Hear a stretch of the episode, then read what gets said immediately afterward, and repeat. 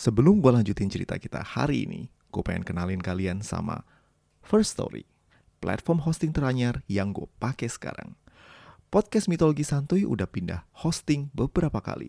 Dan kali ini, gue yakin gak akan pindah ke lain hati. First Story adalah platform palu gada baru yang paling keren, lengkap, dan user-friendly. Bukan itu aja, gampang banget buat distribusi dan kelola podcast kalian di sini. Udah gitu doang. Eits, masih banyak fitur menarik dari First Story. First Story bisa kalian gunakan secara gratis. Yes, you heard that right. Gratis. Kalian bisa mengupload episode terjadwal dan juga mendistribusikan di seluruh platform hits di Indonesia.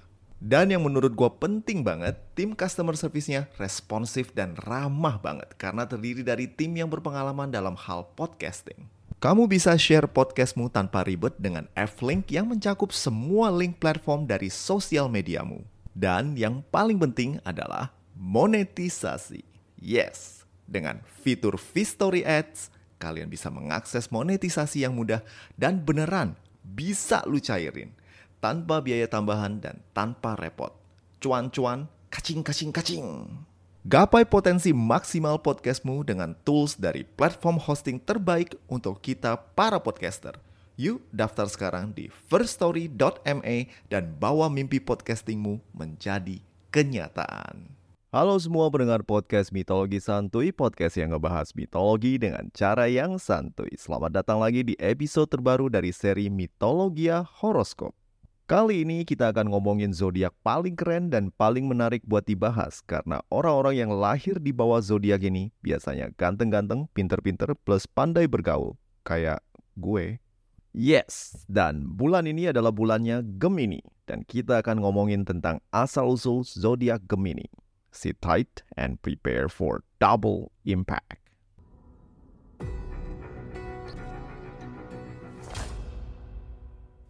Rasi bintang yang lambangnya anak kembar ini telah dikenal oleh berbagai kebudayaan sejak dahulu kala, jauh sebelum dipatenkan sebagai rasi bintang Gemini oleh bangsa Yunani. Bangsa Babylonias menyebut mereka The Great Twins alias si kembar besar karena mereka mewakili dua dewa penjaga alam maut yang bernama Lugal Ira dan Meslam Thea. Ada dua bintang di konstelasi ini yang bersinar terang melebihi bintang-bintang yang lain dan bangsa Mesir menamai mereka Pimahi alias yang bersatu, melambangkan dua dewa yang bersatu dan memiliki dua sifat yang saling mengisi. Tentu saja, bangsa Yunani yang selalu punya cerita di balik apa pun juga menamai kedua bintang kembar ini sebagai Castor dan Pollux, dua sosok yang selalu dikaitkan dengan rasi bintang Gemini. Kalian masih ingat Castor dan Pollux? Si kembar dari kru Argonaut yang ikutan Jason dalam misinya mengambil kulit domba emas di Kolkis?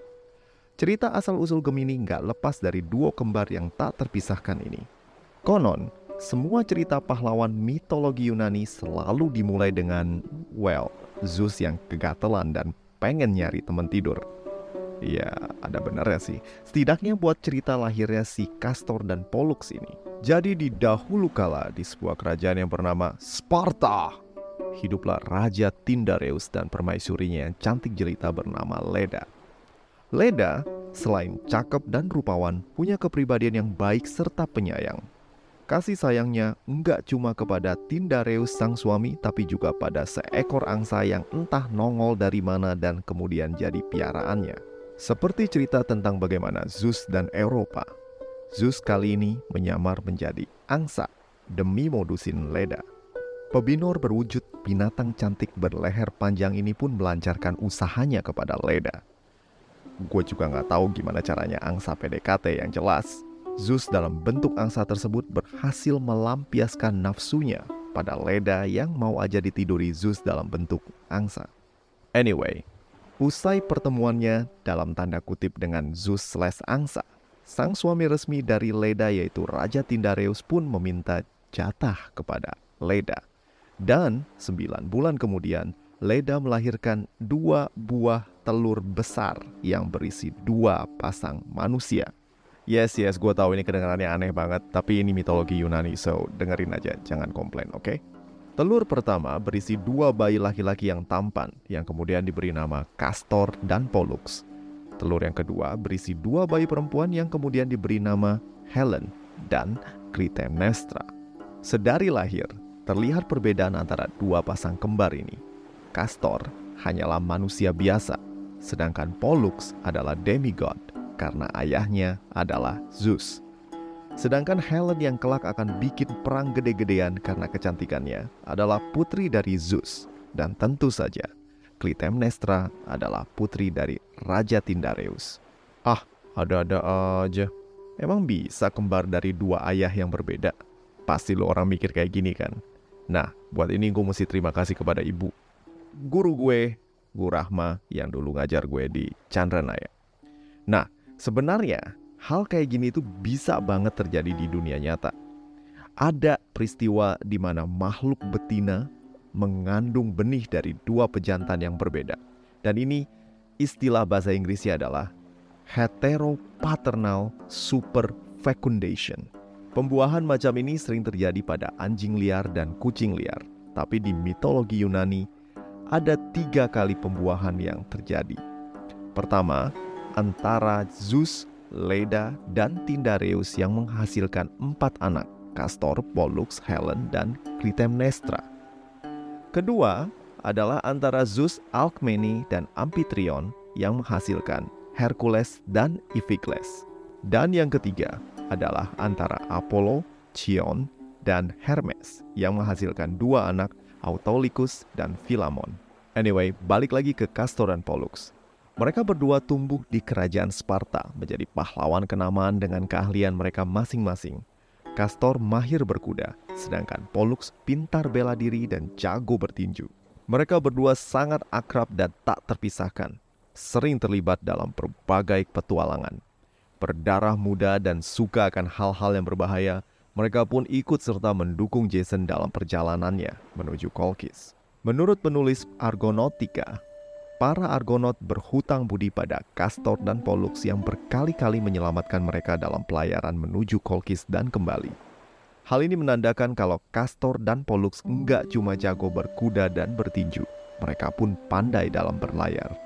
Keduanya bahkan diasosiasikan dengan fenomena St. Elmo's Fire yang sering muncul dalam bentuk lidah api atau kilat di ujung tiang kapal yang tinggi ketika badai tiba. Konon fenomena ini menurut orang Yunani dikatakan sebagai penyertaan Castor dan Pollux yang melindungi kapal di tengah badai. Setelah menemani Jason dalam misinya, Castor dan Pollux juga terlibat dalam perburuan babi Kalidonia dan juga membantu Jason dan Peleus merebut kembali tahta Iolcus. Namun ketika kembali ke Sparta, duo kembar ini mendapati kalau Helen, adik perempuan mereka, diculik oleh Theseus yang dibantu oleh Piritos. Theseus yang kebelet kawin mengincar Helen sebagai calon pengantinnya. Tentu saja, Castor dan Pollux murka mendengar adik kembarnya diculik dan mereka berdua beserta pasukan Sparta meluluh lantakan Athena serta membawa pulang Helen plus menculik Aetra, ibu dari Theseus dan menjadikannya budak untuk Helen. Castor dan Pollux menjadi pelindung Sparta dan nobody mess with Sparta sampai satu peristiwa yang kemudian mengubah segalanya. Castor dan Pollux jatuh cinta pada putri-putri Leucippus yang bernama Phoebe dan Hilaria. Seandainya Phoebe dan Hilaria ini single, maka cerita ini akan jadi happy ending. Pewaris tahta kerajaan Sparta yang tangguh dan pemberani menikahi dua wanita anak penguasa kuda putih. Yes, Leucippus artinya kuda putih. Tapi Phoebe dan Hilaria sudah punya tunangan dan tunangan mereka adalah Idas dan Linkeus yang merupakan saudara sepupu dari Castor dan Pollux. Keempat pemuda yang masih sepupuan ini emang gak cocok satu sama lain. Sering sekali mereka ribut dan pertengkaran mereka soal urusan cewek adalah satu dari banyak masalah mereka. Nah, Castor dan Pollux kemudian merebut Phoebe dan Hilaria, kemudian membawa mereka ke Sparta, menikahi mereka, dan tidak memperdulikan sama sekali perasaan Idas dan juga Linkeus yang lagi marah sampai ke ubun-ubun. Idas dan Linkeus kemudian memutuskan untuk membalas dendam dengan merampas ternak Castor dan Pollux. Fair dong, lo orang pada ngambil tunangan-tunangan gue, ya udah, gue ambil ternak-ternak lu. Fair dong?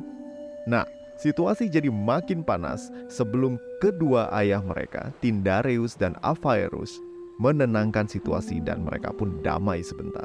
Tapi di satu hari yang tak terduga, datanglah utusan dari Sparta yang mengundang Idas dan Linkeus untuk berpesta, menyambut tamu kehormatan dari Troya yang datang berkunjung. Tamu ini tak lain tak bukan adalah si Pak Boy, Paris dan kokohnya Hector. Pesta berlangsung meriah dengan Helen yang menjadi host. Tapi buat Castor dan Pollux yang tiba-tiba melihat musuh mereka Idas dan Linkeus minum-minum di pesta, Keduanya pun kemudian punya niat dan tujuan yang berbeda. Castor dan Pollux menyadari kalau ini adalah kesempatan emas untuk menjarah kembali ternak mereka yang diambil oleh Linkeus dan Idas. Castor dan Pollux pun kemudian izin pamit dengan alasan ngantuk atau pengen ke toilet, tapi ternyata mereka berdua berkuda pergi ke kediaman Linkeus dan juga Idas yang ditinggal oleh keduanya. Menyadari Castor dan Pollux tidak ada lagi di pesta, Linkeus dan Idas mencium gelagat buruk keduanya. Mereka pun segera pamit dan meninggalkan pesta yang diorganisasi oleh Helen dan meninggalkan Paris yang kalian sudah tahu sendiri punya modus lain juga. Jadi, absennya Castor dan Pollux, perginya Idas dan Linkeus dari pesta, ternyata memberi kesempatan kepada Paris untuk menculik Helen dan memicu terjadinya perang Troya yang maha dahsyat tersebut. Crazy, isn't it? Nah, mari kita kembali ke Castor dan Pollux. Castor dan Pollux bergegas ke kandang ternak milik Idas dan juga Linkeus. Sesampainya di sana, Castor memanjat sebuah pohon dan memantau situasi kalau-kalau ada yang memergoki mereka. Sementara Pollux membuka pagar dan melepaskan kawanan ternak mereka yang dirampas oleh Idas dan Linkeus. Tapi, dari kejauhan, Linkeus dan Idas telah menyadari kalau mereka tengah dirampok Mata Linkeus yang tajam melihat Castor di atas pohon dan dia kemudian melemparkan tombaknya ke Castor yang terkejut dan berteriak memperingatkan Pollux sebelum tewas terhujam oleh tombak. Melihat saudaranya tewas terbunuh, Pollux mengamuk dan menghajar Linkeus sampai tewas. Idas yang bertubuh besar balas menghajar Pollux sampai sekarat namun ketika Idas akan mematahkan leher Pollux, Zeus pun turun tangan. Sang ayah melemparkan kilat dari gunung Olympus dan menghantam Idas yang tewas tersambar gosong terbakar. Zeus yang amat menyayangi Pollux menawarkan sang putra untuk ikut tinggal dalam keabadian bersamanya di gunung Olympus. Namun Pollux yang tak terpisahkan dari Castor meminta Zeus untuk memberikan keabadian pula bagi Castor yang telah tewas. Zeus yang menimbang-nimbang akan permintaan Pollux dan konsekuensinya, kemudian memberikan keabadian kepada Castor dengan syarat. Castor dan Pollux akan tinggal di Olympus setengah tahun dan setengah tahun di Hades untuk menjaga keseimbangan kosmos. Zeus juga menempatkan rasi bintang Gemini untuk mengenang Castor dan Pollux yang tak terpisahkan bahkan oleh maut dan keabadian. Nah, sekarang kita ngomongin tentang zodiak Gemini dan juga karakternya.